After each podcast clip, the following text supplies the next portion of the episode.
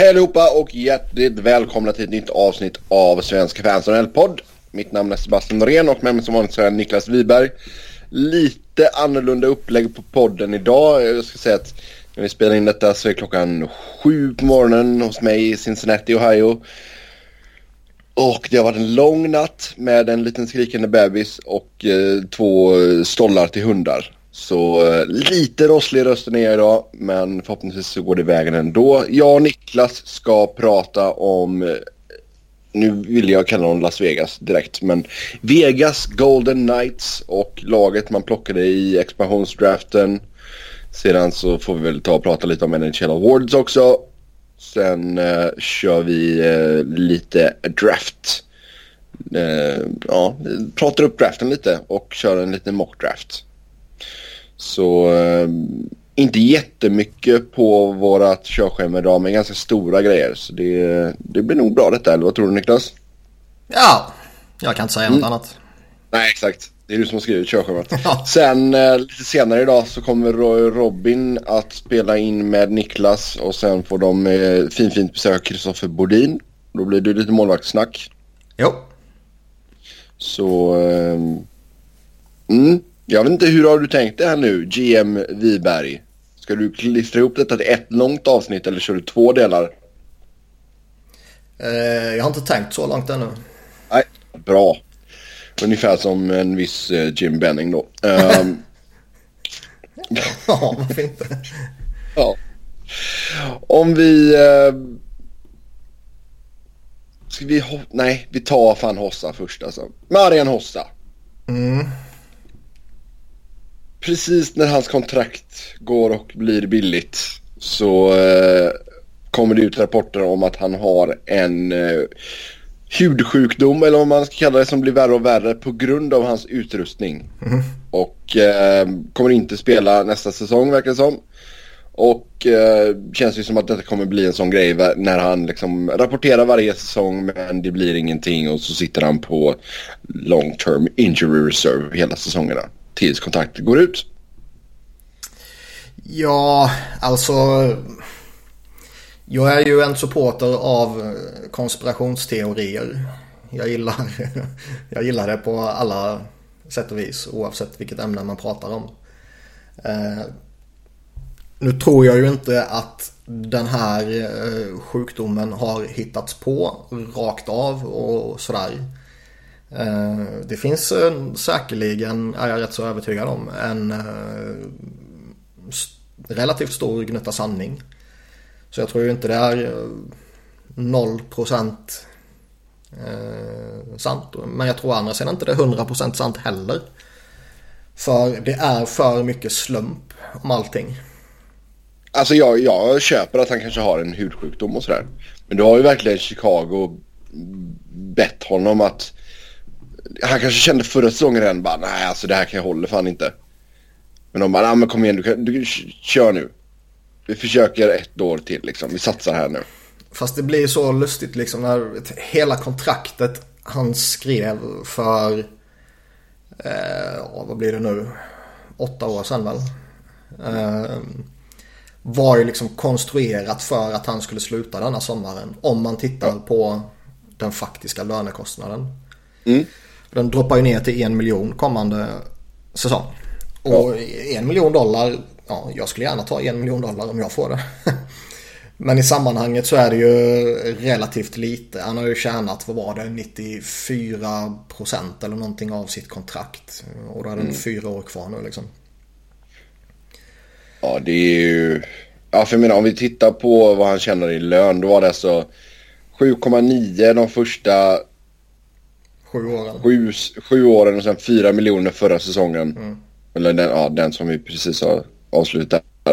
Och sen nu en miljon då de nästkommande fyra åren. Så det är... Mm, det, det känns bara lite för... Det är för många tillfälligheter för att man inte ska liksom misstänka någonting. Mm. Och jag tycker också det är lite för många tillfälligheter för att ligan bara ska gå ut och kommentera situationen med att Nej men vi ser inget mysko här.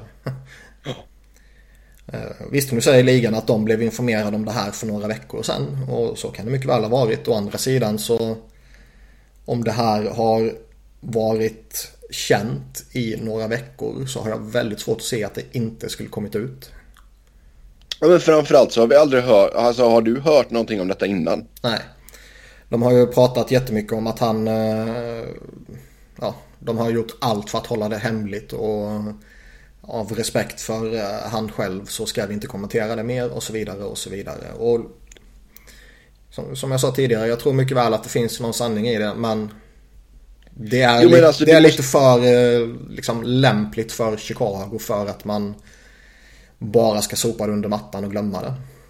Ja, jag menar liksom någon jäkla eh, journalist måste ha varit inne i deras omklädningsrum när han inte haft tröja på sig liksom. Och sett att fan han ser ut som kom och hjälp mig. Vad är, vad är det här för något? Allt behöver inte synas. Nej. Men, men det ja.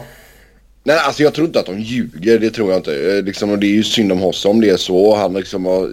Det, ja.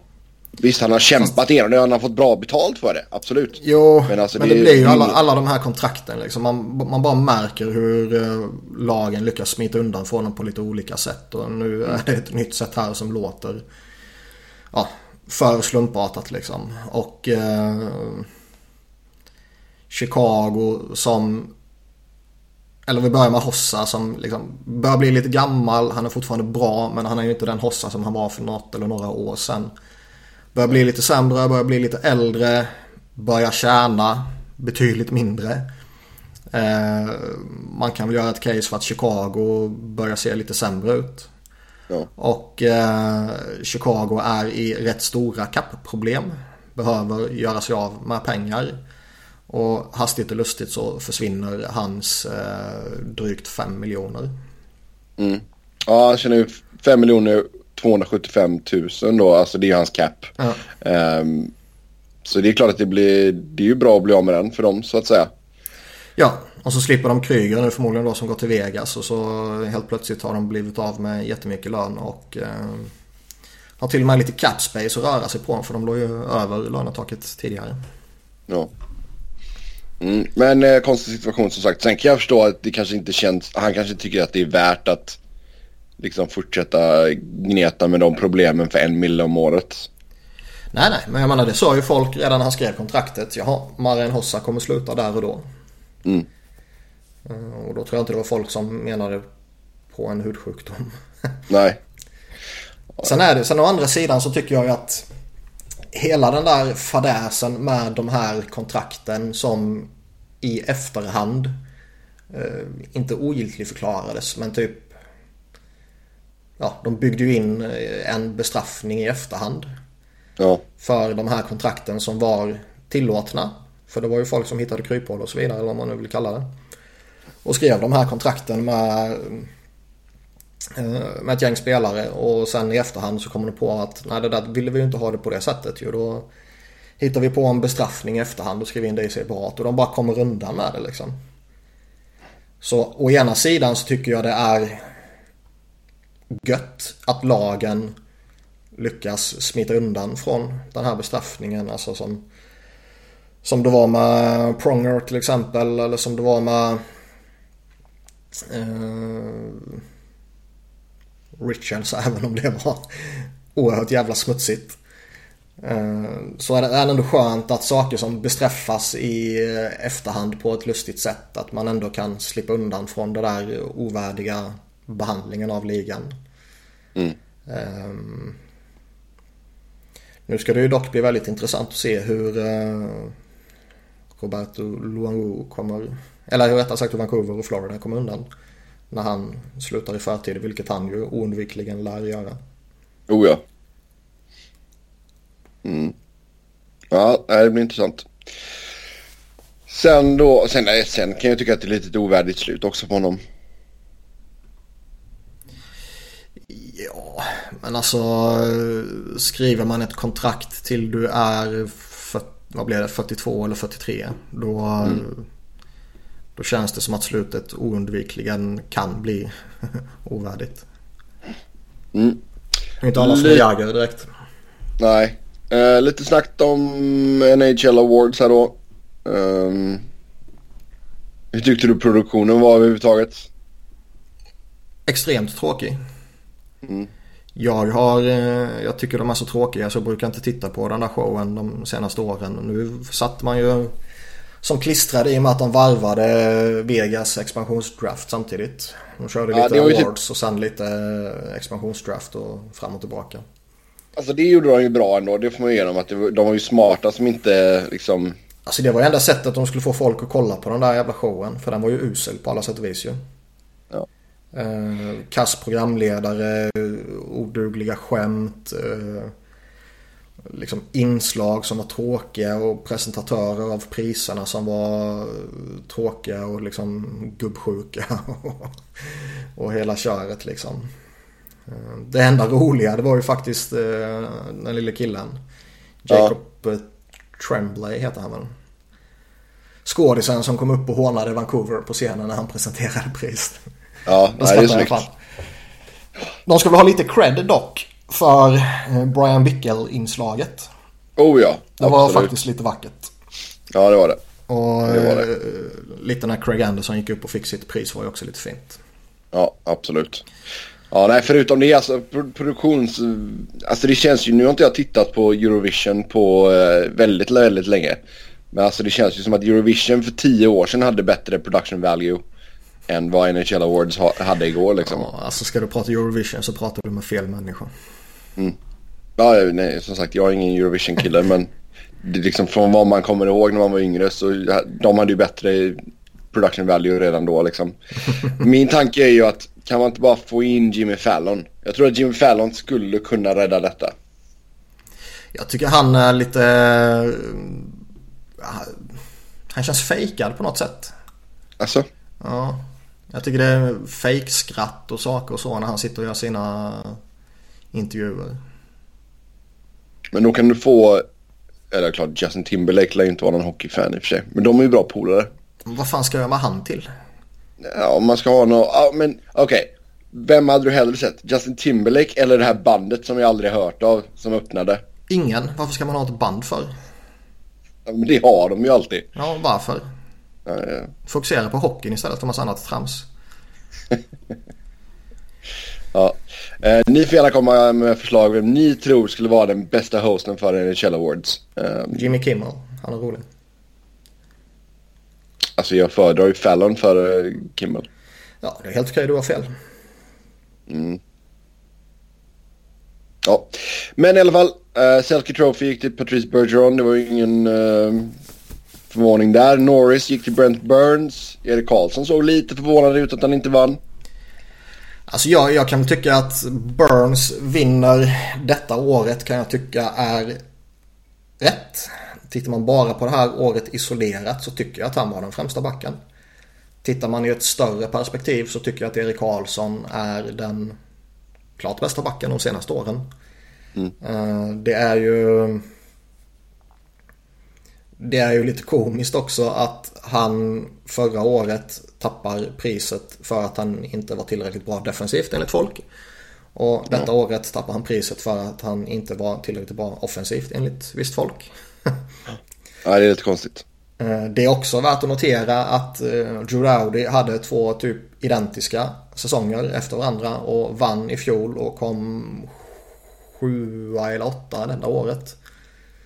Vilket får en att misstänka att han kanske inte var värdig vinnare förra året som vi har konstaterat flera gånger om i den här podden. Jo, men Till och med du har känns, gjort det. ju- Det känns som att de fick en ganska rejäl backlash där alla efter det. Ja. Eh, och det, det var väl också- fullt förtjänat.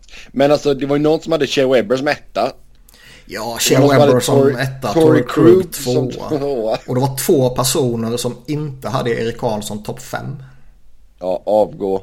Okej att man inte tycker att han kanske ska vinna detta året. Det sa jag ju precis att jag inte tyckte heller. Liksom. Men jag har ju svårt att se ett läge där man inte har honom topp tre.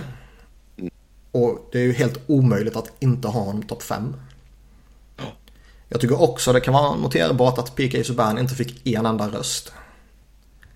Det är inte så att jag tycker att han kanske skulle ha vunnit detta året. Eller kanske varit nära att vinna överhuvudtaget. Det tog lite tid innan han kom igång och hela det här köret och lite skadeproblem och sådana där. Men jag tycker ändå det är lite noterbart att han inte får en enda röst när man ser liksom Tory Krug och Spurgeon och sådär får röster. Ja, exakt. Ja, det är lite konstigt. Men det är ju jävla media som röstar fram det och för varje år som går så får man ju ännu mindre förtroende för det där Professional Hockey Writers Association. Mm. Så det var lite Sen lustigt. Mm, King Clancy gick till Nick Folino. Den har vi inte så mycket att säga om. Uh, Nej. Calder Trophy, Asa Matthews. Det var väl hyfsat väntat. Tog en ganska bra, eh, bra seger där. Ja, eh, på ett sätt tycker jag väl att man kan göra ett stort case för att Zach Wierenski har gjort en ännu bättre säsong. Men eh, det är ju svårt att vara missnöjd med att Matthews får priset. Eh, GM of the year gick till David Poyle i Nashville. Den enda värdiga vinnaren av de som var nominerade. De två andra har ju... Vad har de gjort den här säsongen? De har liksom skrivit dåligt kontrakt. De har gjort dåliga trades. Och deras lag har... Ja, typ... Edmonton har blivit bättre tack vare en generational talent. Ja, exakt. Och Ottawa ja, fick lite medflyt och gick vidare tack vare Erik Karlsson typ. Medan David Poyle har ju faktiskt gjort saker som gjort laget bättre. Ja. Så det var, det var värdigt. Jack Adams gick till John Tortorella. Det kändes ju också rätt givet. Mm. Även om eh, jag tycker både Babcock och till lite mindre del i och för sig Todd McLellan var också skulle vara värdiga vinnare så det Columbus har gjort denna säsongen eh, och, och framförallt att man har sett Tårtan tagit en helt ny eh, Approach. approach till allting liksom. Helt plötsligt bara verkar uppskatta en spelare som Sam Gagné. Mm. Ja, det är sant. Så det, det tyckte jag var värdigt. Mm. Sen eh, Bill Masterson, det är ju Dedication Awarden då. Den gick till Craig Anderson. Um, och allt som han gick igenom där med sin fru och hennes cancer.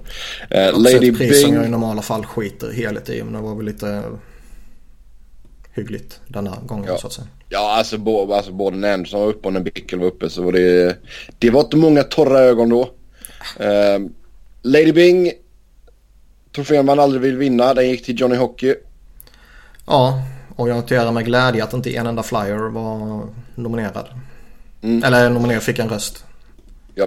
Eh, Vezina gick till Sergej Bobrovsky. Känns väl också fair. Ja.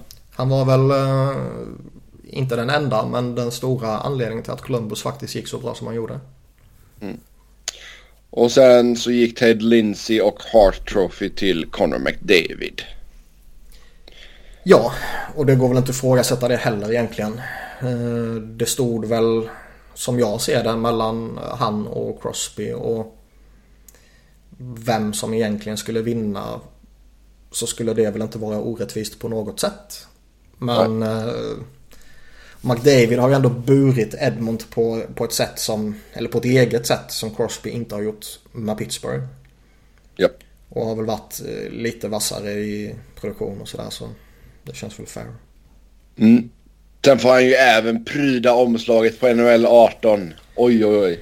Ja, och så sätter Alltså, de det- Pierre Maguire på att alltså. marknadsföra det. Alltså, det var ju... Ja. Ja det var inte bra alltså. Det var verkligen, verkligen inte bra. Nej. Så vi får se de kanske lär sig någonting av detta och gör det lite bättre. Så om tio år så kanske vi har en vettig NHL Awards. Det tror jag inte. Nästa Nej. år kommer det inte finnas någon anledning att titta på det för det blev ju inte expansionsdraft sortvikt. Nej. Eh, ska vi se. Vi tar ett par lyssnarfrågor här innan vi går in på expansionsdraften. Eh, först, vad skulle ni tycka om pengar fick användas i trader? Alltså det har ju använts förr i tiden. Alltså jag hade väl inte haft någonting emot det egentligen. Nej, jag är väl lite sådär att... Eh, fan, om du har förutsättningarna varför får du inte utnyttja dem? Mm. Men eh, jag har väl också förståelse för att man kanske inte... Eh,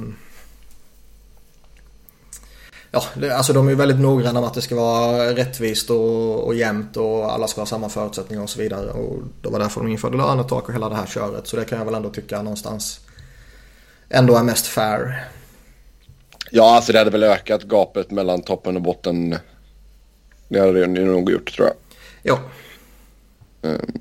man fick väl en... Man fick ju en... eh, Vad ska man säga? En kompromiss av det här när man kunde retaina lön. Mm. Så man får Ja, väl, man får väl eh, nöja sig med det helt enkelt. Sen har vi fått in en annan fråga. Diskutera lagens nya hemmatröjor. Vilka har gjort en bra uppgradering? Ta ut topp fem snyggaste och eh, bottom fem, alltså de fulaste. Eh, Adidas går ju in och blir nya sponsorer här på tröjorna, eller gör tröjorna. Och eh, alltså det var ju inte jättemånga som gjorde någon sån här direkt super overhaul. Um, Nej, det blev den väl lite... snackades mycket om det var ju eh, Nashville då som läckte tidigt. Ja. Eh, och alltså den ser ju trökig ut skulle jag säga mer än någonting. Alltså jag tycker... eh, Jag tycker väl designen på de flesta tröjorna är väl med vissa väldigt små justeringar typ identiska. Mm. Eh, utan att gå in på extrem detaljnivå då såklart. Men eh, jag, jag tycker de har ett... De har, framstår som liksom lite... Det var som någon skrev, det, så- ja, det ser ut som en pyjamas. Ja, Alltså designen eller- på tröjorna, hur, hur de liksom, jag vet inte hur jag ska förklara det för jag kan inte kläder. Men, men, eh, bokikonen Niklas Wiberg, kom igen nu. ja, men, men liksom det känns, man har inte samma känsla av en NHL jersey utan det känns mer som en långärmad t-shirt. Ja, jo men det var lite det jag, alltså när jag såg Nashville så såg det ut som att det var en t-shirt och sen har någon en långärmad svart t-shirt under den liksom. Ja, typ. Det, och det är ingen bra look alltså. Den enda tröjan jag egentligen tycker, eh, om man bortser från den pyjamaskänslan. Så den enda tröjan som jag egentligen tycker är direkt ful, det är ju faktiskt Vegas. Alltså du gillar inte den? Nej, inte alls. Okej.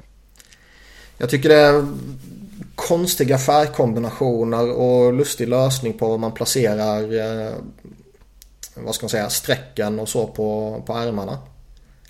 Mm. Jag tycker de, de Ja, det- röda alltså, inslagen passar ju inte in. mycket, mycket som går in där liksom. För du har ju, först har du det svarta där under armhålan och sen blir det lite guld och sen blir det en röd strand och sen blir det grått liksom. Det är ju mycket som pågår där.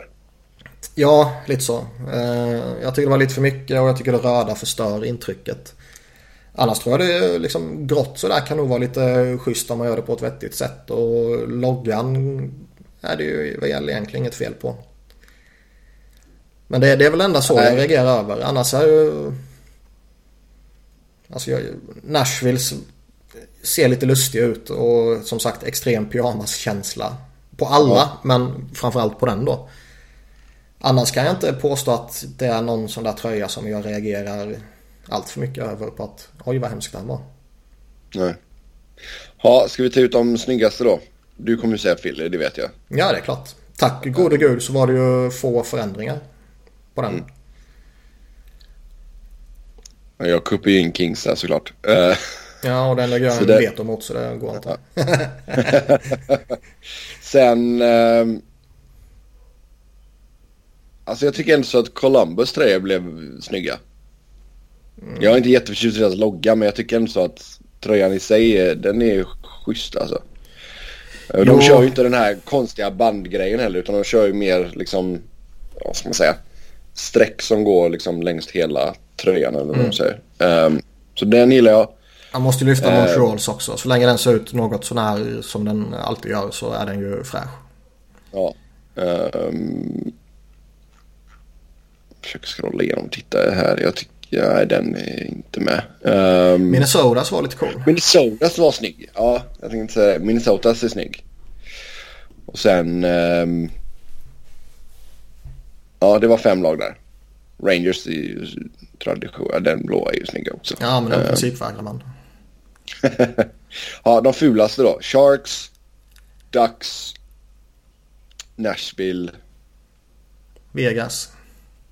Vegas kan vi väl slänga in där också då. Det ska vara en till. Jag gillar förresten Colorados också. Alltså jag tyckte den såg ganska beige ut. Känns väl som de går tillbaka lite. Alltså går tillbaka några år så att säga. Ja.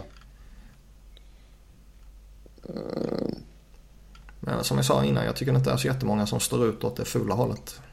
Nej. Ska vi ha in en till ful? Uh, Dallas. Jag kan hata lite på Edmonton bara för att de stjäl det orangea. Okej. Okay. Uh, Flyers ska vara ensamt orange lag. Ja. Då får vi göra det då. Ja, de körde i och för sig det där vitt, svart, vitt eh, linjerna där nere som jag inte är helt såld på. Mm. Mm, då kör vi på den. Då så. Då går vi in på expansionsdraften. Vegas Golden Knights. De har ett lag nu. De har en trupp. Vi får se hur mycket den förändras. De kan ju fortfarande göra en del trades och grejer. Um, det kommer att bli rätt många trades. Ja. Målvakter, där plockar man tre stycken. Calvin Picard från Colorado. JF Baruby från New York Islanders. Och Marc-André Fleury från Pittsburgh. Uh, vi trodde att de skulle ta lite fler målvakter och flippa dem. Men uh, nu blev det inte så. Vad tycker du om de tre man plockade Niklas? Fleury det inte mycket att säga om. Det var ju tokgivet. Det visste ju alla på förhand. Uh, ja. Det, det intressanta där är ju att Pittsburgh tvingas betala för att de ska ta honom. Mm. Det var, vad var det? En second rounder 2020 har jag för mig. Och den skiter ja. Penguins helhet i idag. Jo, det är klart. Men liksom exponeras han så, och det var, sa ju Vegas efteråt också att ja, vi fick det för att säkerställa att vi skulle ta honom men vi skulle ta honom ändå. Och det är ju, för deras del så är det ju en skänk från ovan att få honom. Ja, och så plus att du får lite extra gött där också. Liksom. Det är ju klockrent. Jo. Sen kan man väl alltid göra ett case just för, alltså det är intressant när vi gjorde våran mockdraft med, med Simpa mm. senast så uh, försökte vi ju bygga ett så bra lag som möjligt så fort som möjligt typ. Ja. Uh, Vegas uh, gjorde ju inte det. Nej. Utan de tar ju på sig relativt mycket skräp ändå. Och kompenserar det å andra sidan med att ta in en hel del picks och eh, några prospects och kommer ju när de flippar spelare vidare få ännu mer pick och prospects förmodligen. Ja. Och det kan jag tycka är klokt givetvis ju. Alltså ska du bygga upp din organisation så bör du ju göra det via draften oavsett om du är ett nytt lag eller om du är ett original six-lag som behöver bygga om så att säga. Mm. Så det är väl klokt. Däremot är det väl lite riskfullt eh, om man vad ska man säga, inte blir tillräckligt bra första året. Och de två första åren kanske. Utan man blir en slagpåse i botten och så vidare. Kan man verkligen sälja in ett nytt lag då och hela den där diskussionen? Mm. Alltså jag tycker på överlag så tycker jag att de kunde gjort mycket bättre på backsidan. Ja, alltså... De, de gjorde är, några vi, lustiga... Vi, vi, vi, går igenom den gör vi. Uh, från Vancouver tog man Lucas Pisa. Uh, John Merrill från New Jersey, Brady McNabb från LA, Jason Garrison från Tampa, Derek Engeland från Calgary, Colin Miller, Boston, Mark Methaw, Ottawa, David Schlemko, San Jose, Griffin Reinhardt från mm. Edmonton, Alexi Emelin från Montreal, Clayton Stoner från Anaheim, Trevor Van Riemsdyk från Chicago och Nate Schmidt från Washington. Alltså det är väl en handfull val här som är uh, vettiga. Men... Jo, fast sen har du liksom varför i hela fridens namn tar man Griffin Reinhardt? Nej, det var ju Utan att Edmonton får betala någonting. Jag ska väl fylla i också att vissa val man gjorde fick man ju betalt för att göra så att säga. Man tar till exempel Clayton Stoner från Anaheim och så får man Shea Theodore. Och, och det är liksom, Den är ju helt okej. Då är det ju Theodore som är det man får så att säga. Och ja. det var några ja, både på forwardsidan och målvaktssidan också. Några, några andra prospects och några picks och så vidare. Man fick till exempel rättigheterna till Nikita Gusev från Tampa Bay. Och det tror jag, mm. nu har väl han sagt att han kanske inte har jättebråttom att ta sig till NHL. Utan han kanske vill köra lite till i KHL. Ja, där han har lugnt. exploderat fullkomligt denna säsongen. Eh, å andra sidan så känns det väl som att Vegas kanske kommer ha ännu bättre förutsättningar att ge honom ett eh, stort kontrakt än vad eh, kanske Tampa skulle haft och kanske det skulle blivit ett, eh, ett litet billigare entry level kontrakt medan Vegas kanske kan blåsa på. Ja, Jo, jo, jag menar han ska inte åka över och möta och kolla läget liksom. Så vi får Ja. se vad som händer där och de kan skärma honom. Så det är Eh, bra. tillsamm- Gusev och Theodor är ju två jättebra värvningar för Vegas. Mm. Sen även där när man plockade Garrison så fick man ett andra rundsval och ett fjärde rundsval. Mm. Förutom rättigheterna till Gusev. Så det, det tycker jag ändå var ett bra håll där liksom. Men att man tar Griffin Reinhardt från Edmonton utan att de får betala någonting. Och att du tar uh, Alex Emelin från Montreal utan att betala någonting. Det är liksom, vad gör du McPhee liksom? Där finns det- det ju bättre alternativ. Alltså jag tycker väl att merparten av valen här är ju suspekta. De som är bra är väl Mark Method som jag tror och som det ryktas att man kommer skicka vidare. Ja, Och han bör man kunna få en del för. Eh, Trevor Van Riemsdyk är ju en... Han är ju ingen superback på något sätt. Men han är nog tillräckligt respekterad för att man ska kunna få någonting vettigt för honom. ja. Och ryktet kom ju redan igår att han är på väg till Carolina. Alltså jag, jag förstår inte alltså. Och det fick stora applåder när de valde honom också. Jag, men är det jag som inte har förstått storheten med TVR eller liksom vad är grejen? Ja, jag vet inte. Det var ju... De applåderade väl åt det mesta. De applåderade fan åt Chris Thorburn också. Jo men alltså det var... Men det var, ju själva, det var ju själva grejen de applåderade mot. Och sen han, vet man får han från Chicago. Det kan ju ha varit Chicago-supportrar som satt och applåderade åt sin uh, spelare. Ja du menar att de blir, att de blir glada att han är borta? Det kan Nej, nej, nej. Men som en hyllning liksom. Så Jo, dålig är han ju är inte så att man är glad att han Nej är det är borta. klart han inte är. Eh, Men det är, är det ju liksom... är ingen... Han kommer inte gå upp och lyfta deras försvar om han skulle stanna kvar liksom. Nej, nej. Så, Sen är det väl ja. Derek England är ju, han är ju vad han är men det verkar ju vara en, han verkar bo är i Vegas till Du exempel. är det är lo- local boy. local boy. Ja. Och det är väl inte fel. Braden McNabb tror jag kommer göra det bra i Vegas eh, om han nu stannar där. Och David Schlemko är väl en liten underskattad spelare som det ryktas lite om att man kanske kommer flippa vidare och då får man väl något bra för honom. Nate Schmidt är ju en sån här eh, lite underskattad spelare också som eh, behåller man honom kan man nog få ut bra av honom och flippar man honom vidare så blir det nog ett schysst utbyte. Ja, Colin Miller har ju lite uppsida också. Ehm, Jo. så, ja. Men annars är det ju... Alltså, ja, om man tar Anaheim-situationen, så, så lite som vi pratade om förra avsnittet, att hur mycket är det värt att betala för att behålla Manson eller Vatanen? Och både jag och Simpa och jag minns inte vad du sa, var väl inne på att vi skulle kräva både en first, First och, eh, Theodore. Och Ja. Bara få Theodore, det är väl någonstans där som smärtgränsen skulle gå för Anaheim kan jag tycka. Eh, Jag håller han väldigt högt men å andra sidan så vi är ju fortfarande inte helt övertygade om vad han kommer bli. Nej, alltså det som jag läste från dagshåll var väl också att man, eh, man verkar anse att eh, Jakob Larsson har gått om honom också i, i, Ja, i utveckling. Så ja. Så visst de kan säkert eh, undvara honom så men eh, någonstans måste man ju ändå resonera sig fram till om det är värt det. Skulle det kanske vara bättre att behålla honom och trada vattnen på något annat sätt eller så sådär. Ja, jag Ja. vet inte. mm. Men det intressanta med hela grejen är ju faktiskt målvaktspositionen. Där typ alla var tämligen övertygade om att de skulle plocka på sig någon eller några målvakter till. Och sen flippar de vidare.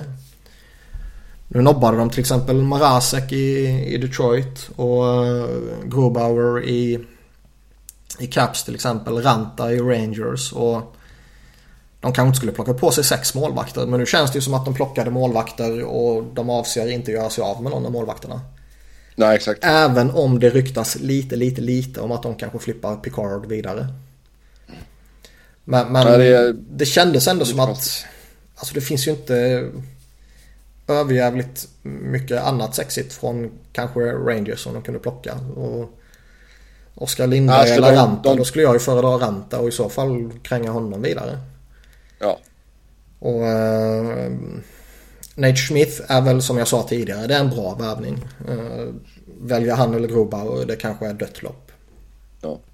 Men liksom Thomas Nosek från Detroit. från Detroit. Och nu kom det visst, alltså det, det var ju det dröjde ju inte lång tid från det att det kom ut att de inte hade skyddat Marasek, Detroit då, till att det började komma massa snack om att han har kassattityd och eh, han har inte funkat med organisationen, det blir infekterat efter kontraktsförhandlingar och så vidare. Men Alltså Detroit har ju för vana att läcka ut sådana där saker och så fort det är någonting som de inte är nöjda med. Även om de ska behålla spelarna eller inte så bara läcker de ut massa skit.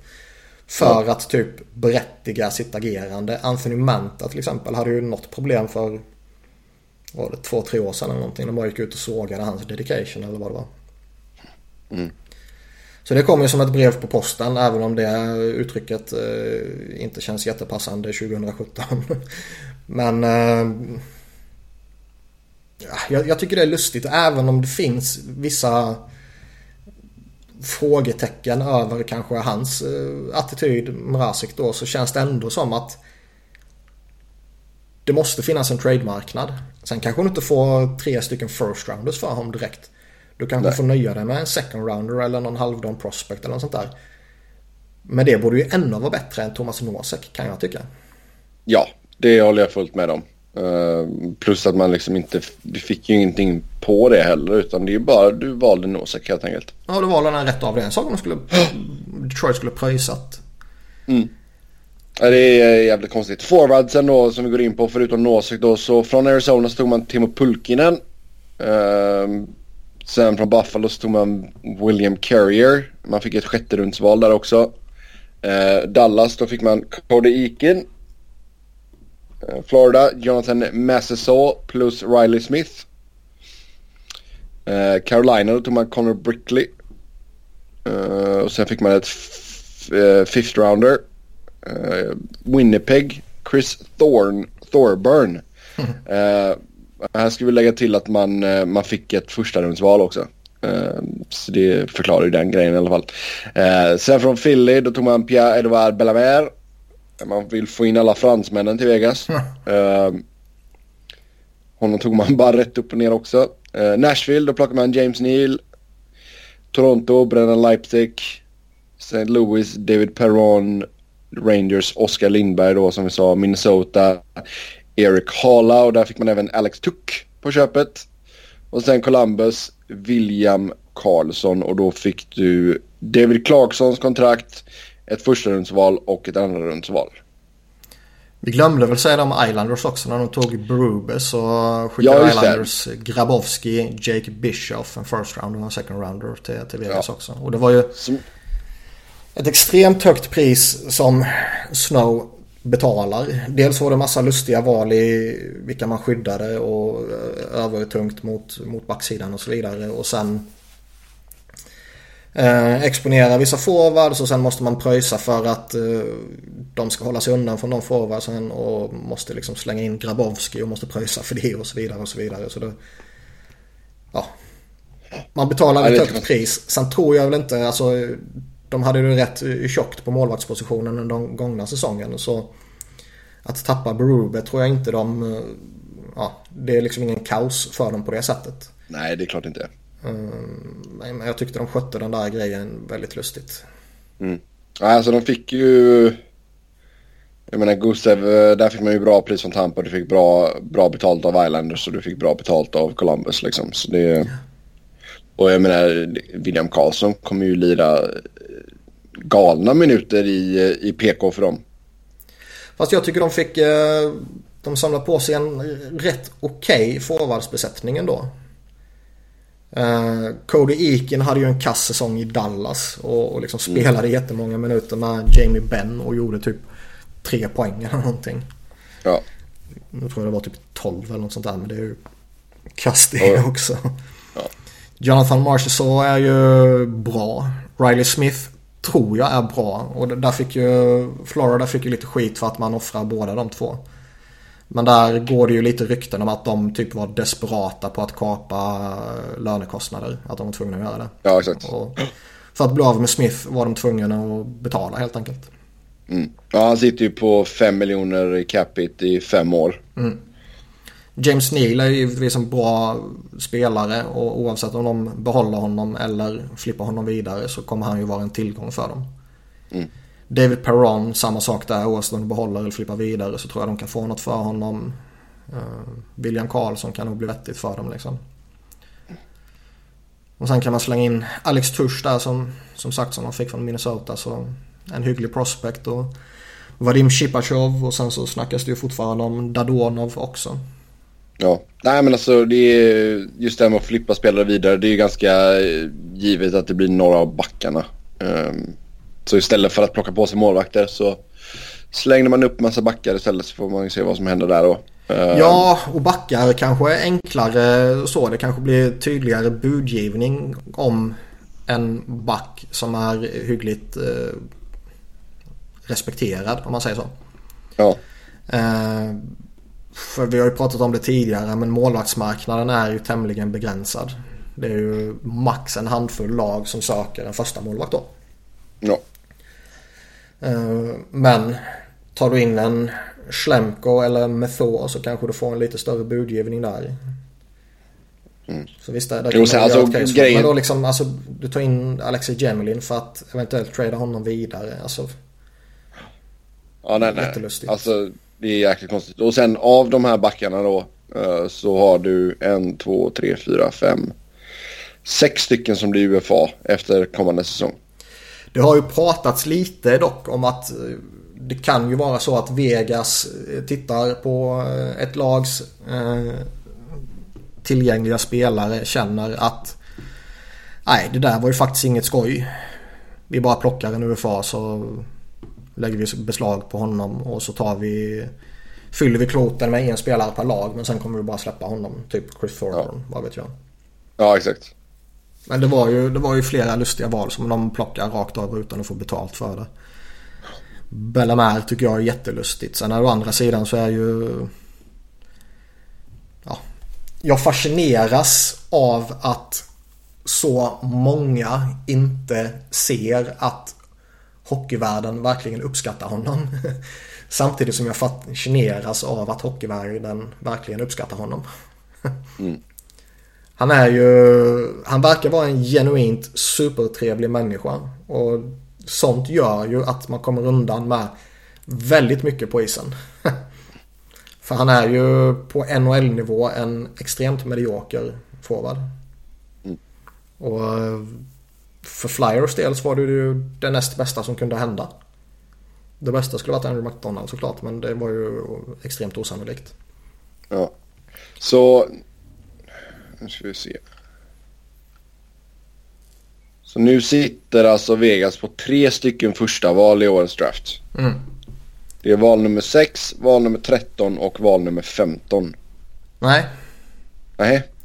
De uh, flippade 15 till... Uh, det var ju en three way deal. Så de ja, ja, ja, ja. Flippade den till... Uh, vad heter de? Winnipeg heter de. Ja. Och eh, var det väl. Ja, men är det inte därför de har dem? Nej, men sen fick de ju, bytte de den med Columbus.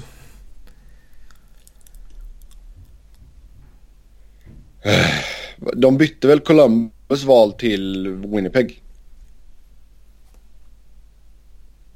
Det första rundsvalet som de fick med David Clarkson och andra rundsvalet 2019 skickade de ju till Winnipeg. Det var 24 valet. Ja precis. Ja då tänkte jag fel. Ja. Då blandade jag ja. ihop siffrorna. Ja. Ja, men, ja, men bra. Då, för jag trodde att jag hade fel där. Men då, då hade jag rätt. Fan vad nice.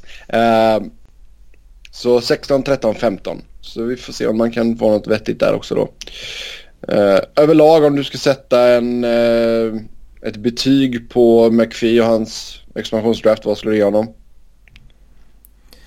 Alltså, nu kan det ju fortfarande hända grejer. Men som det... Ja, och det är det, så, det är det som är så svårt. Alltså, hela spektaklet var ju... Alltså det, expansionsdraften då blir ju så lustig när de ska plocka ihop en roster på plats där och de ska presentera det och så blir det jubel när de plockar upp en spelare och de förklarar att James Neal han är så jävla bra och han har gjort det här och det här och det här och han kommer vara fantastisk för Vegas. Och sen kanske man redan har en deal klar där han ska tradas vidare till något annat lag. Mm. Och, men det kan man inte offentliggöra förrän idag. Nej, exakt. Men jag tror att de spelarna de visade upp här, vilka var det? var Mark Arnold Fleury, Brady McNabb. Och England. Uh, ja, de kommer ju vara där. Ja, de är ju kvar och Flurry verkar ju liksom vara genuint eh, ansedd som the face of the franchise. Ja. Och den, den, den, presentationen gör man ju inte om man har för avsikt att uh, kränga honom vidare. Men uh, jag tyckte bara det var liksom, har du en deal klar där du ska plocka till exempel Van Riemsdyk från Chicago och imorgon, eller idag då, men imorgon om man pratar i dåtid. uh, flippa honom vidare till Carolina, då borde man ju presentera det direkt. Jag tycker bara det blir så lustigt annars. Ja. Jag kan inte uppskatta att Bill Foley var lite snabb också och hoppade över ett lag. Uh, ja. Så istället för att säga Detroits pick så gick de till Dallas. Ja. Det, det, var lite småroligt. uh, men det, det är okej. Okay. Han, var, han var riktigt glad. Han log hela sändningen. Så det är kul för honom. Vill om att vara på tv. Ja. Så det om Vegas. Som sagt, eh, när vi spelar in detta så börjar vi närma oss sju minuter kvar tills lag kan börja trada. Um, bam, bam, bam. Så ser jag om det händer någonting här medan vi fortfarande tjötar. Um, ja, och liksom, ja, fan, han ju inte betygsätta expansionsdraften. Men det blir liksom... Nej, det, förlåt. Innan allting är klart så blir det så svårt att, att liksom tycka till. Jag tycker ju hittills tycker jag ju inte han har gjort det tillräckligt bra. Men han kan ju ha 10 trades som bara ligger och väntar på att presenteras idag. Och så hastigt och lustigt har de ett helt okej okay lag. Eller har de bara liksom åtta stycken first rounders i den här draften. ja, exakt. Fast är det den här draften du vill ha åtta stycken first rounders? Alltså nej, du vill ju ha Conor McDavid så du vill ha för något år sedan. Men... Eh, alltså jag tror att den här draften, den är väl generellt ansedd som lite svagare. Men jag tror att den får ett lite större rykte än vad den egentligen förtjänar. Mest för att det kanske inte finns en Conor McDavid eller Austin Matthews som det har funnits tidigare år. Nej exakt, vi blir bortskämda helt enkelt. Jo, och, är det inte, så. och är det inte några superspelare så kallar vi det för kast. Ja, och, och liksom oavsett vilket så är det nästan alltid så att du får bra spelare i första rundan. Uh, givetvis får den bättre om du har första valet än om du har 22 valet. Men i första rundan brukar det vara bra spelare man har tillgång till. Så skulle de, alltså, säga att de fördubblar antalet första val de har så ja, då kan man väl göra ett case för att det var en bra expansionsdraft. Ja. Lyssnarfråga här också. Vilken GM gjorde bästa dealen med Vegas och vilken GM gjorde den sämsta dealen med Vegas? Alltså den bästa dealen var väl eh, deals som inte hände.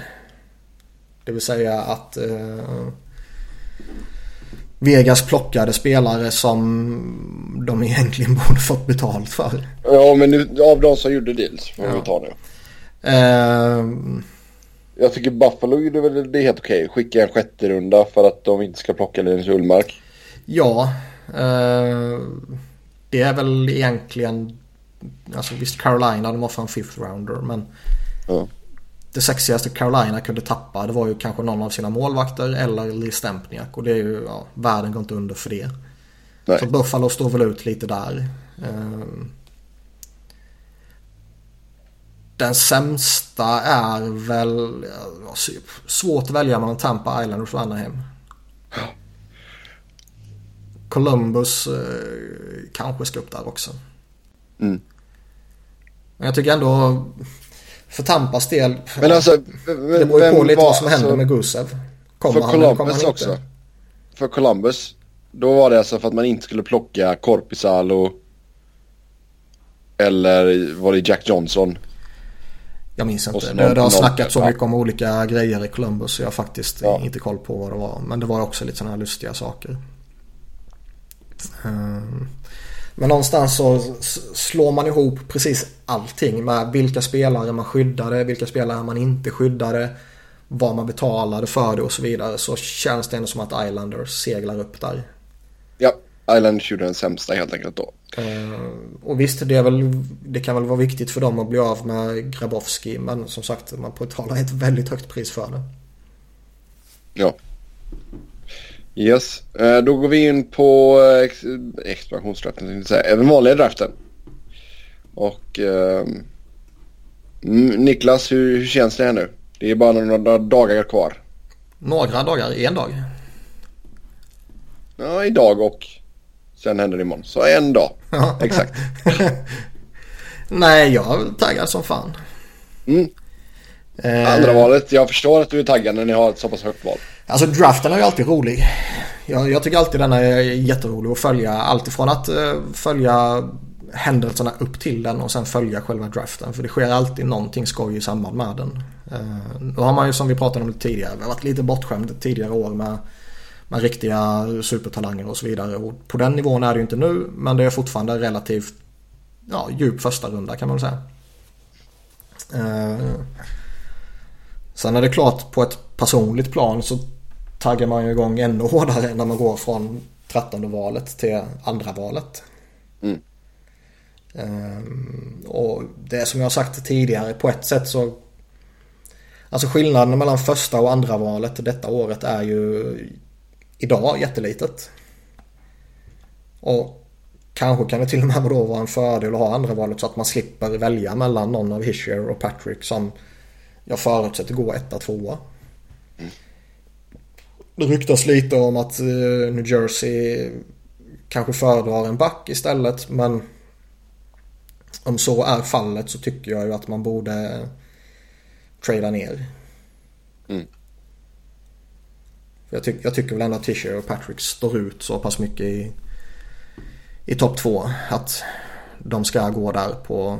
Sen vem man föredrar av de två, det kan jag tycka det är en smaksak. Där kan jag väl tycka att det egentligen inte finns något rätt eller fel.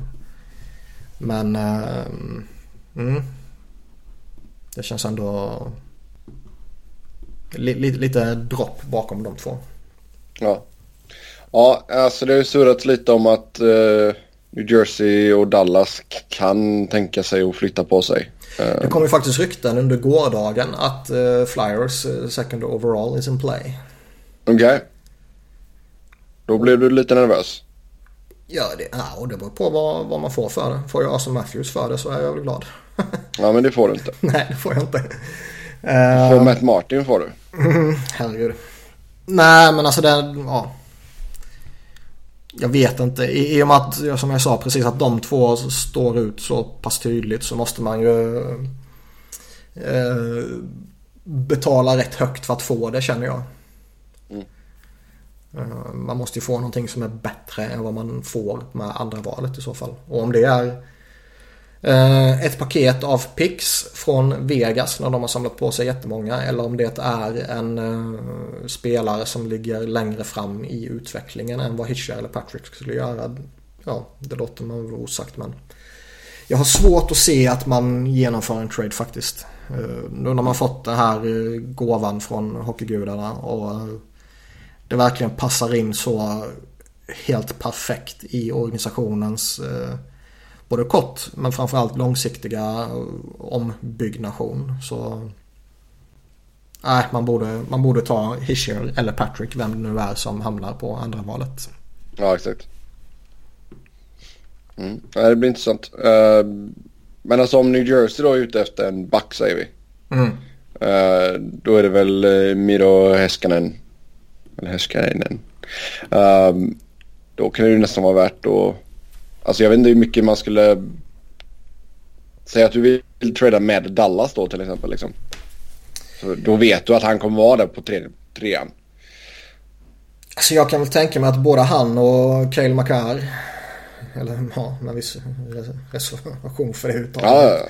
Ja. Eh, båda de två är väl topp fyra kandidater. Eller ja, rättare sagt tredje fjärde plats kandidater. Mm. Och eh, jag kan tänka mig kanske att Colorado spontant skulle vara mer intresserade av att byta upp sig till första valet än vad Dallas kanske är. Mm. Och få någon av de två backarna då så. Mm.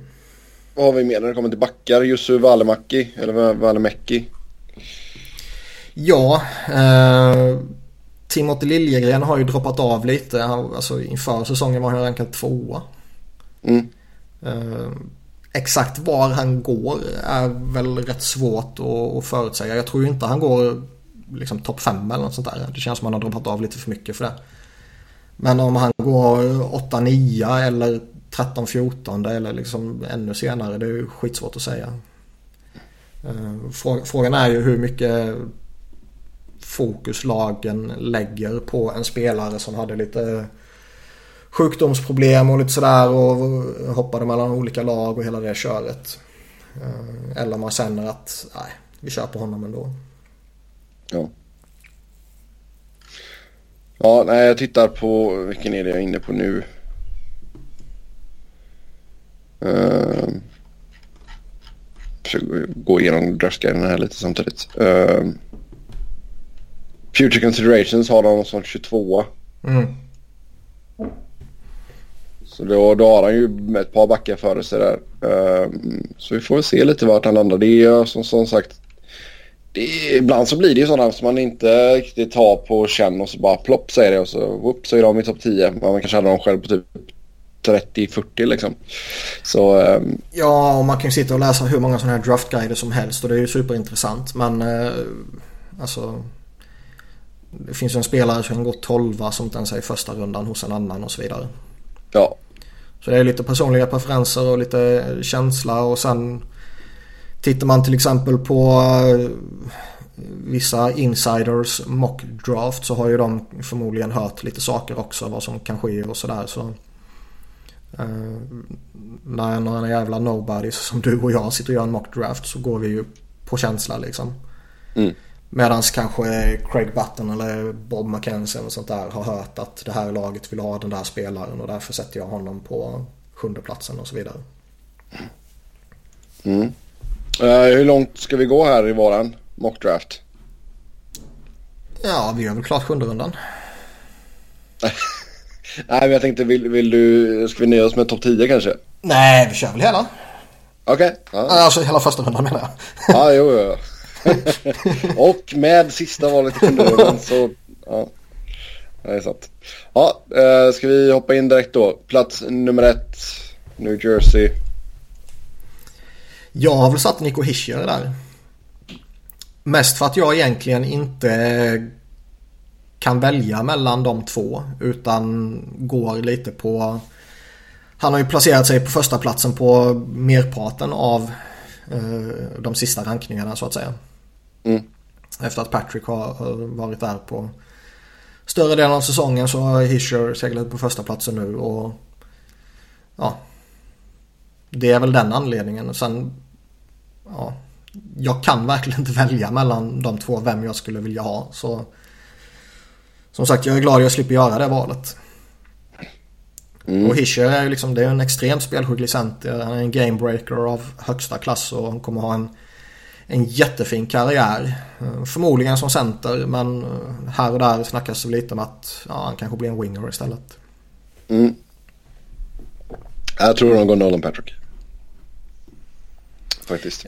Alltså det, oavsett vilket så, så länge, alltså både Devils och Flyers tog ju in Nolan Patrick på specifika läkarundersökningar. Ja. Uh, och uh, om man nu inte fick extremt dåliga besked där, vilket det inte verkar som att man fick. Så kan det ju inte gå fel med Nolan Patrick liksom. Nej. Visst, han hade lite skadeproblem denna säsongen och sådär, men eh, eh, frågan är hur mycket man ska hetsa upp sig över det liksom. Mm. Jag har honom som tvåa uh, då sen då. Ja, och då är Hischer som tvåa. Och skillnaden är väl att Patrick är lite mer, lite mer kraft, lite mer storlek.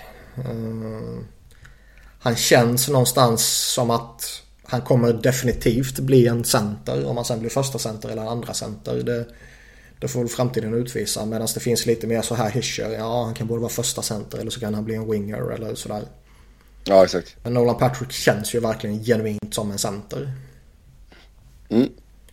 Uh, sen har vi Dallas på tredjeplatsen. Mm, där har jag satt Miro Heskanen. Ja. Uh, skicklig back, bra skridskoåkning som de flesta tidigare valen numera har. Han är bra med pucken, bra hockey-IQ, lite tvåvägsförsvarare. Ehm, somliga vill måla upp honom som en framtida första back och det kan man ju definiera på olika sätt. Men eh, oavsett hur man definierar en första back så kan man få det så är ju det bra givetvis. Ja, absolut. Ja, jag är helt med det där. Sen har vi Colorado på fjärde platsen. Mm, här har jag satt Cale Makar. Eller Makar som sagt. Jag har faktiskt varit lat och inte kollat upp hur det uttalas. Ja. Eh, det snackas lite om att han är lite eh, osäker så tillvida att han inte har haft det absolut bästa motståndet i Alberta Junior Hockey League. Mm.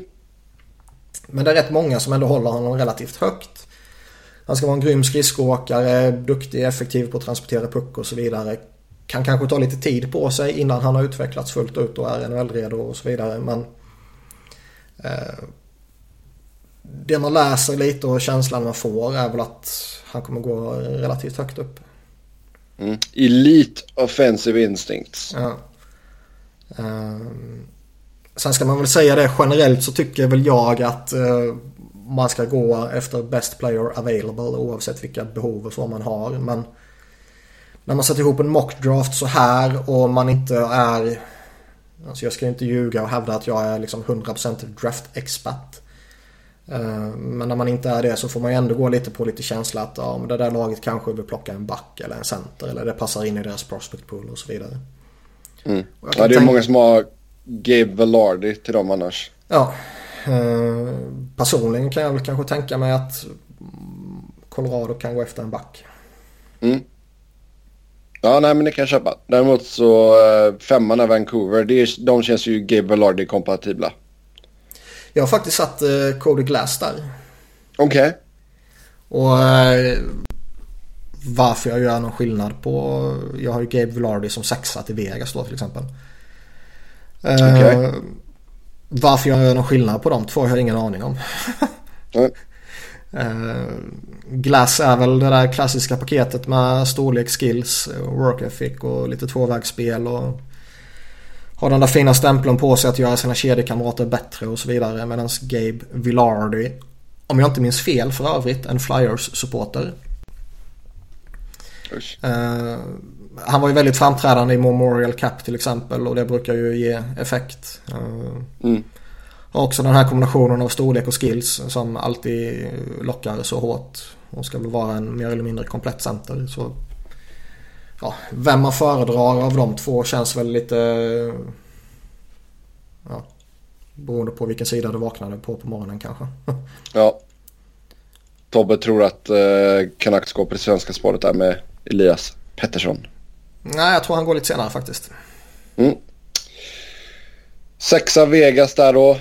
Uh, jag har Owen Tippet till dem. Mm, ja, det skulle, vara, lite, lite det skulle vara en målskytt av rang nämligen. Det kan mm. de behöva. Ja, absolut. Jag känner väl dock att med första valet kommer Vegas ta en center. Mm. Um, visst, nu har man ju Shipachov och han kommer väl vara en bra toppcenter för dem. Men på sikt så känns det som att de behöver uh, en talang och uh, då kan jag uh, ja, känna att det är eh, vad säger man, fair med en center. Mm. Det är väl där man, i den bästa av världar så är det väl runt centrar man bygger liksom. Japp. Så jag har Gabe Vlardy dit som jag sa tidigare. Ja. Sen har vi Arizona sjua. Mm. Jag har dunkat på med Casey Mittelstadt där. Mm. Ny center. Eh, kvick, skicklig, kan kanske ta lite tid på sig i och för sig om man läser på lite. Men bra på att skydda puck, eh, duktig playmaker. Och eh, man får väl lite, lite känsla att Arizona kanske inte är supernöjda med Strom. Nej. Och då kanske de går efter en ny center. Mm. Ja, här så visar man att man gillar svenskar och så tar man Elias Pettersson. Mm. Så det är vad jag tror att de gör om han fortfarande är, är tillgänglig där och inte Canucks har tagit honom. Sabres på platsen. Där blir det finländskt. Här har jag dunkat på med Owen Tippett. Okej, Och han är inte finländare. Nej, du har ju kvar honom där. Ja, Ja. Eli Tolvanen. Ja. Det var faktiskt en spelare som när, innan Flyers eh, fick lyckoträffen i draftlotteriet så hade jag tolvanen som fan han vill jag ha med 13 valet. Mm. Eh,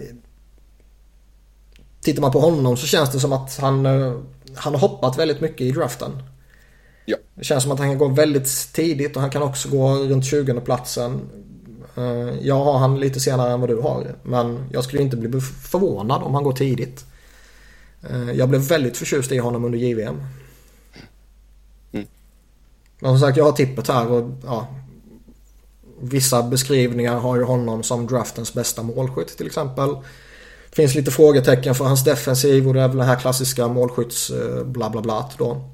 Ja, exakt. Det finns väl hos de flesta unga spelarna liksom. Ja. Men eh, ja, en typisk målskytt eh, behöver Buffalo. Sen har vi Detroit på nionde plats. Mm. Martin Nekas. Eh, här går jag på svenskt. Men Okej. jag går på Timot Liljegren. Det var ju eh, oväntat att Detroit skulle drafta sven. Det känns som att de kommer, de kommer gå på en svensk liksom. Ja. Om inte alla svenskar som går tidigt är tagna givetvis. Men eh, jag kände ändå att ja, jag tror de kommer gå efter en back här. Och en svensk back. Ja, Timot Liljegren. De kanske inte är ett, en organisation som liksom får jättepanik för att han hade lite tufft denna säsongen. Utan de, de litar på honom ändå. Ja, och de kommer inte slänga in honom direkt ändå. Nej. Sen är väl han är väl lite sådär, det, det är rätt många som tror att han kan falla ännu mycket mera. Och gå betydligt senare i första rundan. Uh, där är väl inte jag lika säker. Uh, I grunden är det en skicklig back och behärskar det mesta. Beslutsfattningen i framförallt defensiven har väl däremot fått lite kritik. Mm. Uh, och liksom gå från andra platsen i början på säsongen till nionde platsen som det vore här då. Det vore väl ett rätt stort dropp. Och skulle han Ja. tappa liksom typ 10 platser till, vilket det kanske ryktas om, så, så vore ju det eh, också högst anmärkningsvärt. Ja. Sen Florida på tionde plats. Här har jag nästa svensk. Mhm. Och då är det Elias Pettersson. Ja. Eh, Jag tror väl att de flesta svenskarna har koll på honom så. Men en grym offensiv, finurlig, bra playmaker och så vidare och så vidare. Ehm, Jag skulle inte vara ett dugg förvånad om han går tidigare. Ehm, Jag tror väl inte han, han går så tidigt som liksom topp 4 eller något sånt där. Eh, Han kanske inte tar sig förbi någon av de där backarna som jag hade tidigt. Han kanske inte tar sig förbi Glass eller uh, Villardi och så vidare. Men ytterligare några platser tidigare så kan jag mycket väl se honom. Vad hade du honom? Sexa va? Sjua? Ehm, vad sa jag nu? Sjua. Ja. Det, det vore ju inte orimligt alls liksom. Oj. Här har jag Casey Mittelstadt. Mm. Så honom har vi redan pratat om. Um, LA 11. Här dunkar jag på med Michael Rasmussen. Okej. Bara för att eh, jag hoppas kunna hetsa upp dig lite. Hopp. Nej men han är väl den här klassiska spelaren som det känns som att det finns i varje draft. Där eh, fansen skräms lite av honom. Oh ja. Eh, fysiska förutsättningarna är ju jättefina. Eh, han har producerat bra i powerplay. Men relativt svagt i even strength då till exempel. Mm. Och eh, då får man ju givetvis de här vibbarna att eh, ha, han lever bara på fysiken och där får han bara ut något av i powerplay och så vidare. Och så vidare. Eh, det finns väl en genuin talang i honom så det är inte så att han bara är stor. Och jag kan väl känna att det är rimligt om han går någonstans här omkring eller snäppet senare. Men eh, det har ju till och med ryktats till och från att han kan gå ännu mycket högre upp. Och det känns som att då skulle det vara ett, eh, ett stort orosmoln. Men det känns ju mm. att en stor stark center det, det kommer ju LA vilja ha för att låta Kopitar forma honom typ. Alltså det, det låter ju ganska ja, troligt eller hur ska säga. Men jag hoppas ju på att man tar någonting annat. Mm.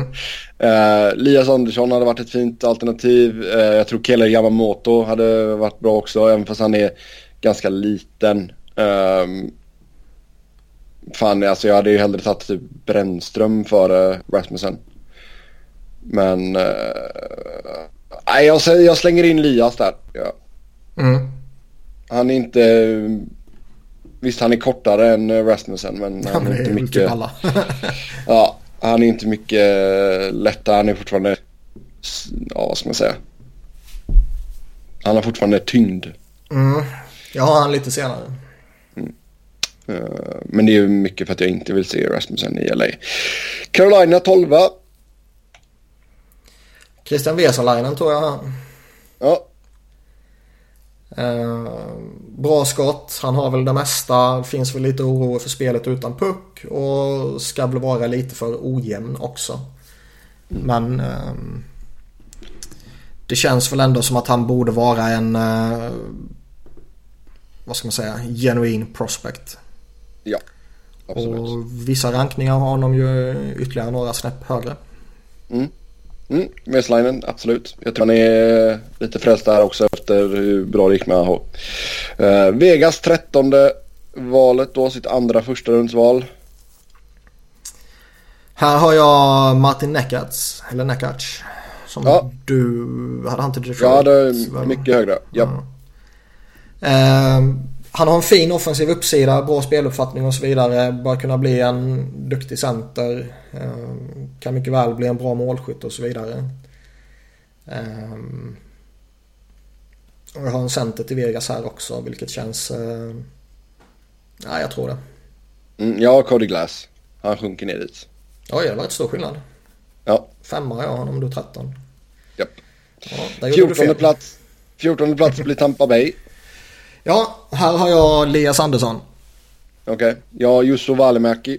Ja, han känns väl som eh, Andersson då som lite av den typiska svensken. Kombinerar skills, bra arbete, producerat lite överallt han har varit och man har väl sett några rankningar som har honom ännu senare i första rundan men jag tror han kan gå förhållandevis tidigt faktiskt. Mm. Eh, det känns som att han har eh, han har ett gott rykte om sig tror jag. Mm. Ja, jag tror just så där eh, verkar vara jävligt bra allround med eh, mycket offensiv uppsida. Mm. Så det har nog gjort dem bra om ett par år tror jag. För det, det är ju också en spelare som jag inte tror... Det kommer nog ta något två år åtminstone innan vi får se honom. Uh, 15 valet, då har vi Vegas igen. Uh, vågar, man gå, vågar man gå och ta Klim Kostin här? Nej, jag har han lite senare. Ja. Eller Fy. rätt mycket senare. Ja, riskfaktorn. ja, faktiskt. I hans fall så har han ju redan sagt att han vill komma till Nordamerika. Mm.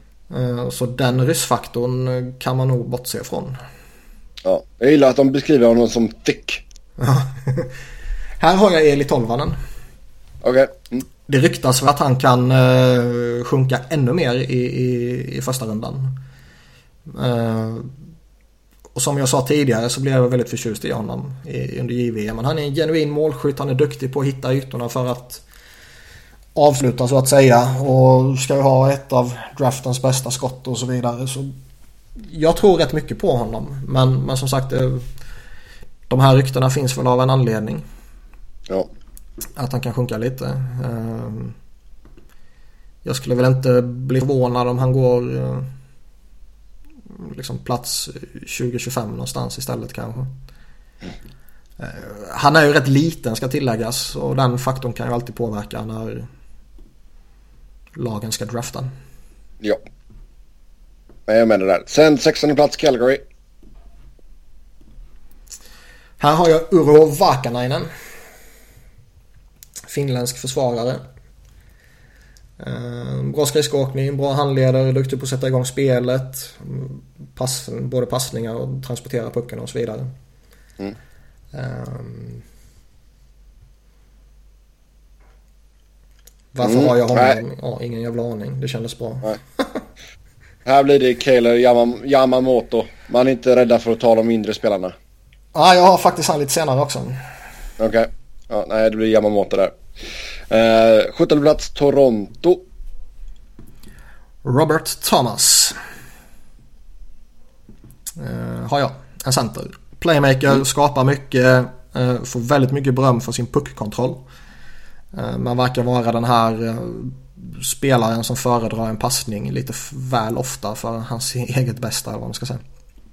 Här är jag Liljegren. Ja, det var också rätt stor skillnad där va? Mm. Han, eh, Toronto, de har ju blivit frälsta i svenskan här nu. Ja. Så om Liljegren är kvar där då hugger de honom. 18 plats då har vi Boston. Vad har vi för stor bufflista de kan plocka? Foot. Känns så tokgivet. Ja. ja. Om man kallar han Foot. Eh, Adam Foots pojk. Alltså satans vilka gener. Ja, han är ju stor och han är ju lite den här defensivspecialisten som farsan var. Han är väl inte lika ja. nasty som pappa var, men det kan man ju inte vara i dagens hockey heller. Det, finns... det är någonting jag kan jobba på. Ja, det finns väl frågetecken för eh, skridskoåkningen. Han är ju inte den här naturliga skridskoåkaren som de andra backarna i första rundan är. Nej, men det är svårt när man är så jävla tung också. Ja, eh, men det är ju också risk det är ju riskfullt att plocka en sån spelare. Alltså 18 plats är ändå relativt tidigt i första rundan. Jo, men det här får du ju, alltså. Slår det väl ut så har du en ny Chara där liksom. Nej, det tror jag inte. Alltså inte, inte att han kommer vara Chara var ju en av ligans bästa har... backar liksom. Det har jag svårt att se Kalan Foot Det tog ett tag i och för sig. Ja, men det, det ser jag inte i Foot ju. Foot ser jag ju som en mer eller mindre ren defensiv specialist. Mm. Inget fel i det, det behövs också. Eh, men Chara var ju så mycket mer än det. Mm. Han kan blästa från blålinjen i TP också. Personligen ser jag ju hellre att en sån spelare som Foot ska gå senare i första rundan. Men... Eh, ja, men han är ju fördomsfull mot Boston. Ja, han är för Boston-kompatibel. Ja, exakt. Eh, San Jose har vi på 19 platsen. Här har jag satt Erik Brännström. Okej. Okay. Uh, spelskicklig, rörlig back. Uh, det känns som att han bör ha väldigt goda förutsättningar att ta sig till NHL och bli ordinarie och så vidare och så vidare. Och, och kanske någonstans worst case scenario i så fall är att han bara inom situationstecken blir en PP-specialist eller någonting. Mm. Men uh, jag tror han har potential att bli mer än det. Och rätt många verkar hålla honom som rätt underskattad i den här draften. Jag skulle väl inte bli förvånad om han går betydligt tidigare. Men eh, det känns ändå som att ja, man kanske ska vänta sig att han går strax innan 20 valet. Något sånt där. Där, där ligger han på de platserna i rätt många rankningar. Mm. Ja, jag går på en annan backbjässe, Niklas Haag. Eller Hägg. Mm. Han är jag ännu lite senare. Satan vad stor han är. Mm. Ja, det är helt... Vad, vad käkar de här pojkarna egentligen?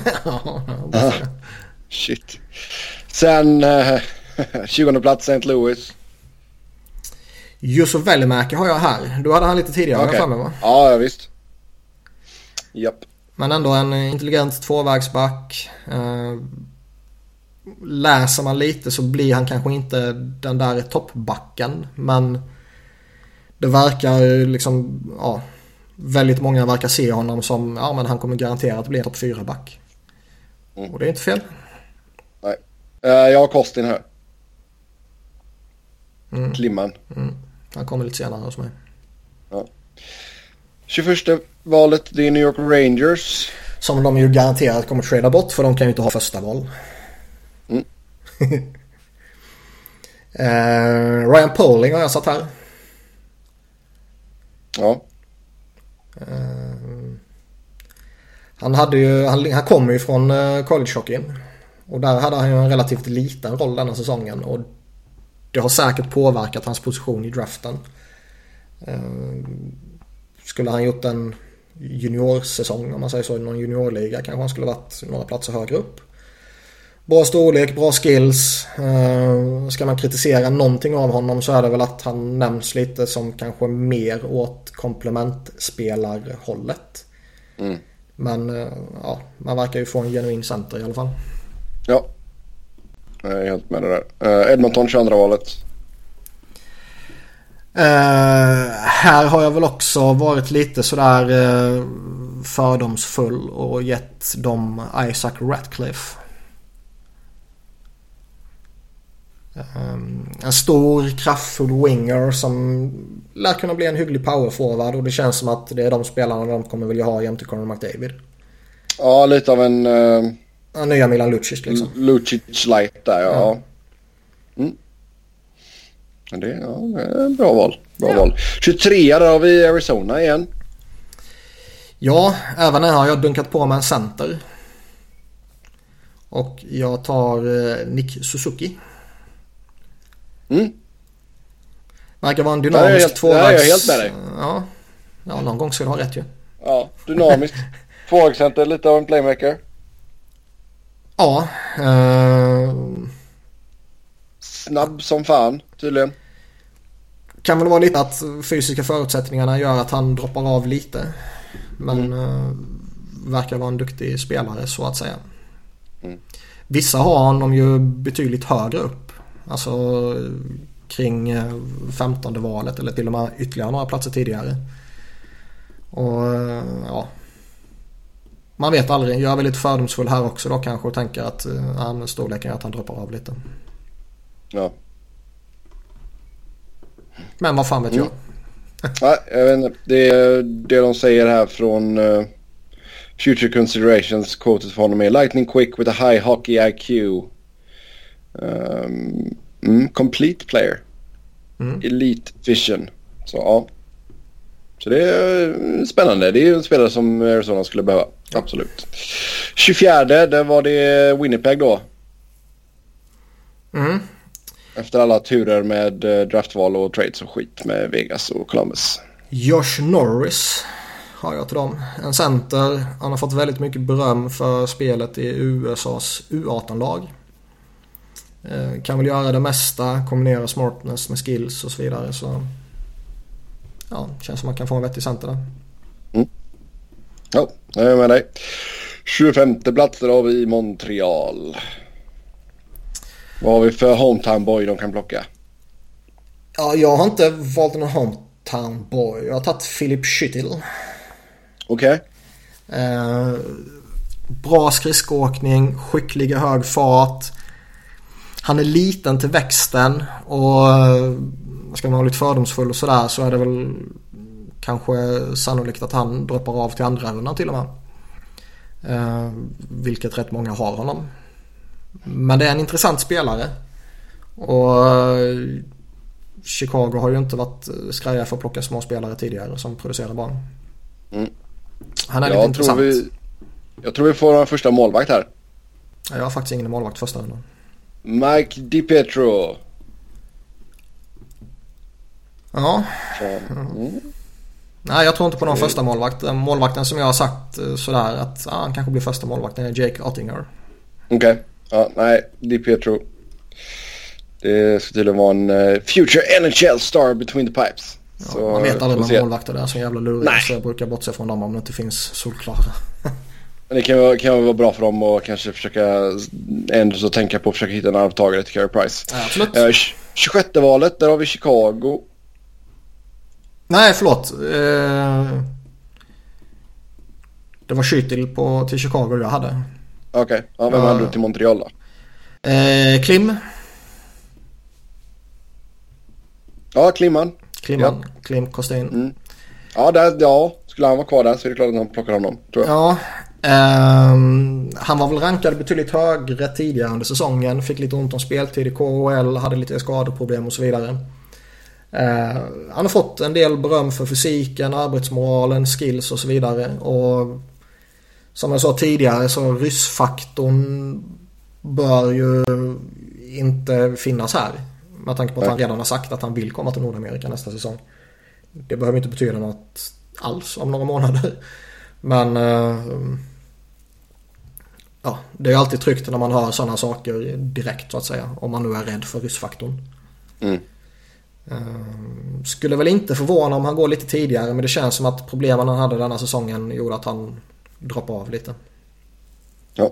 Så han hade till Montreal på 25 valet och 26 valet Philip Schittil Okej. till Yes. Chicago.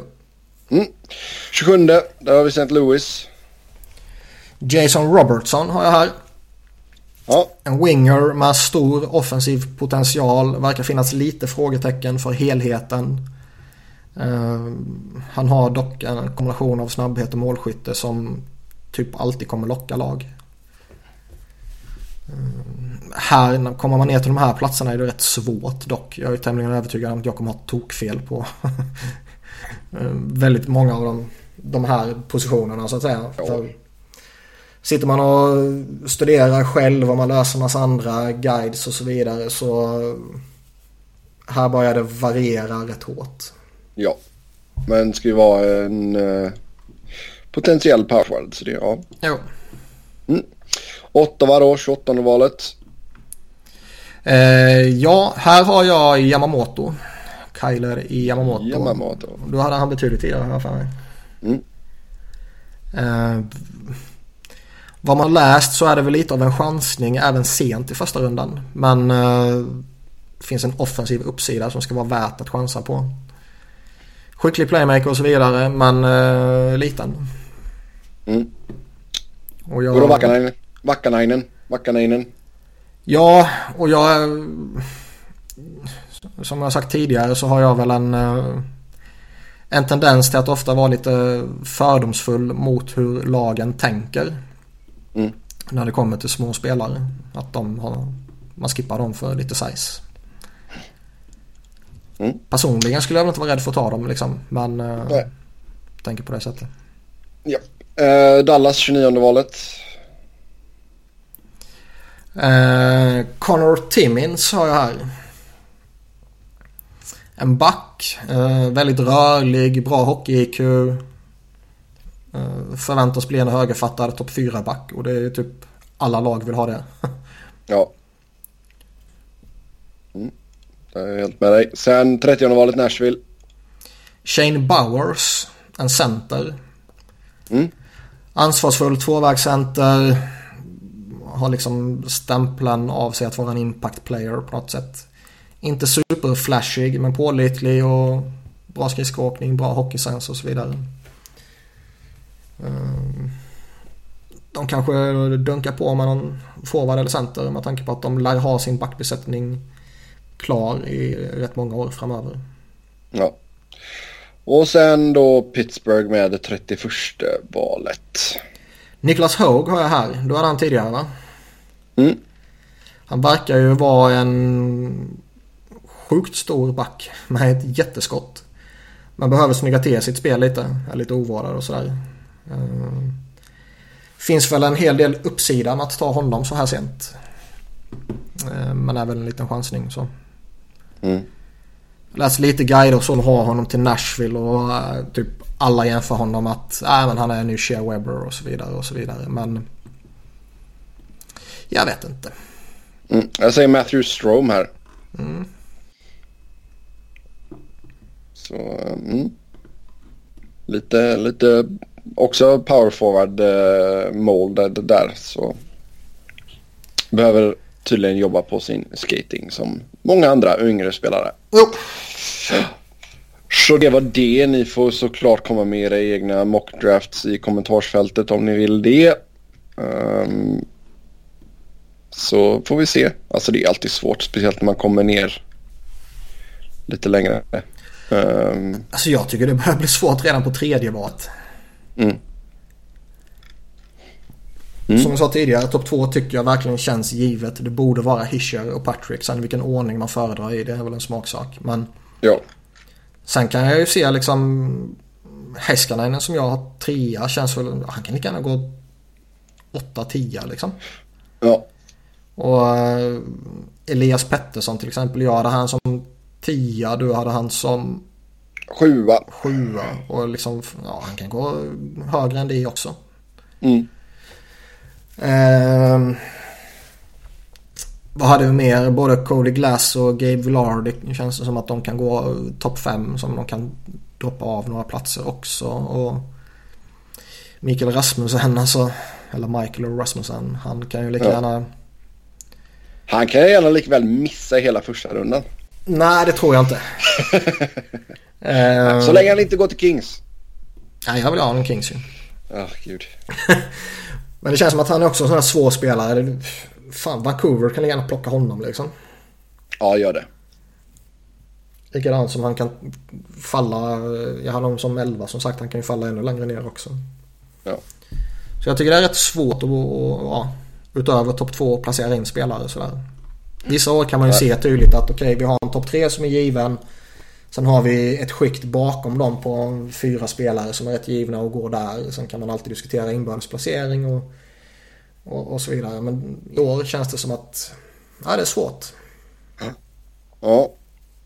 ja, det blir intressant. Eh, det finns ju en del svenskar att hålla öga på också såklart. Ehm, alltså den enda det... svensken som jag känner är intressant är ju Elias Pettersson.